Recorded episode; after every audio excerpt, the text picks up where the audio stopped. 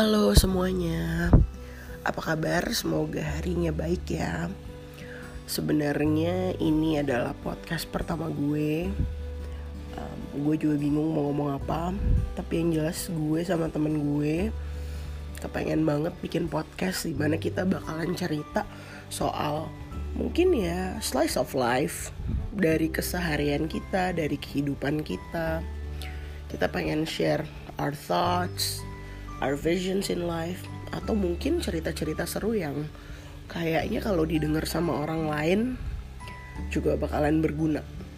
Nah, jadi itulah tujuannya kenapa gue kepengen bikin podcast dan um, share my stories basically with old people in this world. Dan mungkin akan ada orang yang bisa relate dan juga merasa terbantu dengan dengerin podcast ini. Anyway, that's all for the introduction. Thank you and see you.